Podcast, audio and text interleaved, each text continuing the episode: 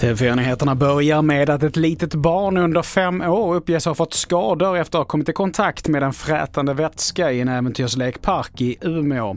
Barnet är fört till sjukhus och polisen har spärrat av parken i väntan på bombskyddet och räddningstjänsten finns på plats med ambulans.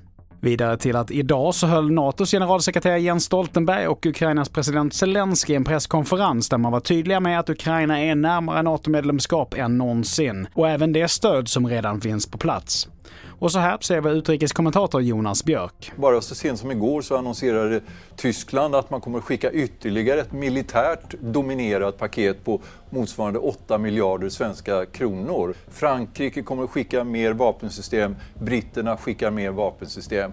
Och Sverige har ju till exempel i morse undertecknat ett speciellt avtal med Ukraina om att man ska leverera mer vapensystem dit och sen ska man börja samarbeta mellan Sverige och Ukraina också när det gäller underrättelseverksamheten. Till sist under eftermiddagen fick polisen in larm om att flera personer slogs på en buss mellan Partille och Svingen i Göteborg.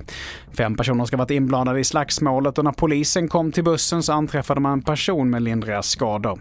Flera personer kontrollerades och man hittade bland annat en mattkniv men ingen ska ha gripits. Fler nyheter hittar du på tv4.se. Jag heter Mattias Nordgren.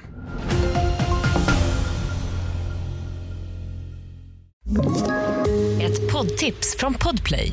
I fallen jag aldrig glömmer djupdyker Hasse Aro i arbetet bakom några av Sveriges mest uppseendeväckande brottsutredningar.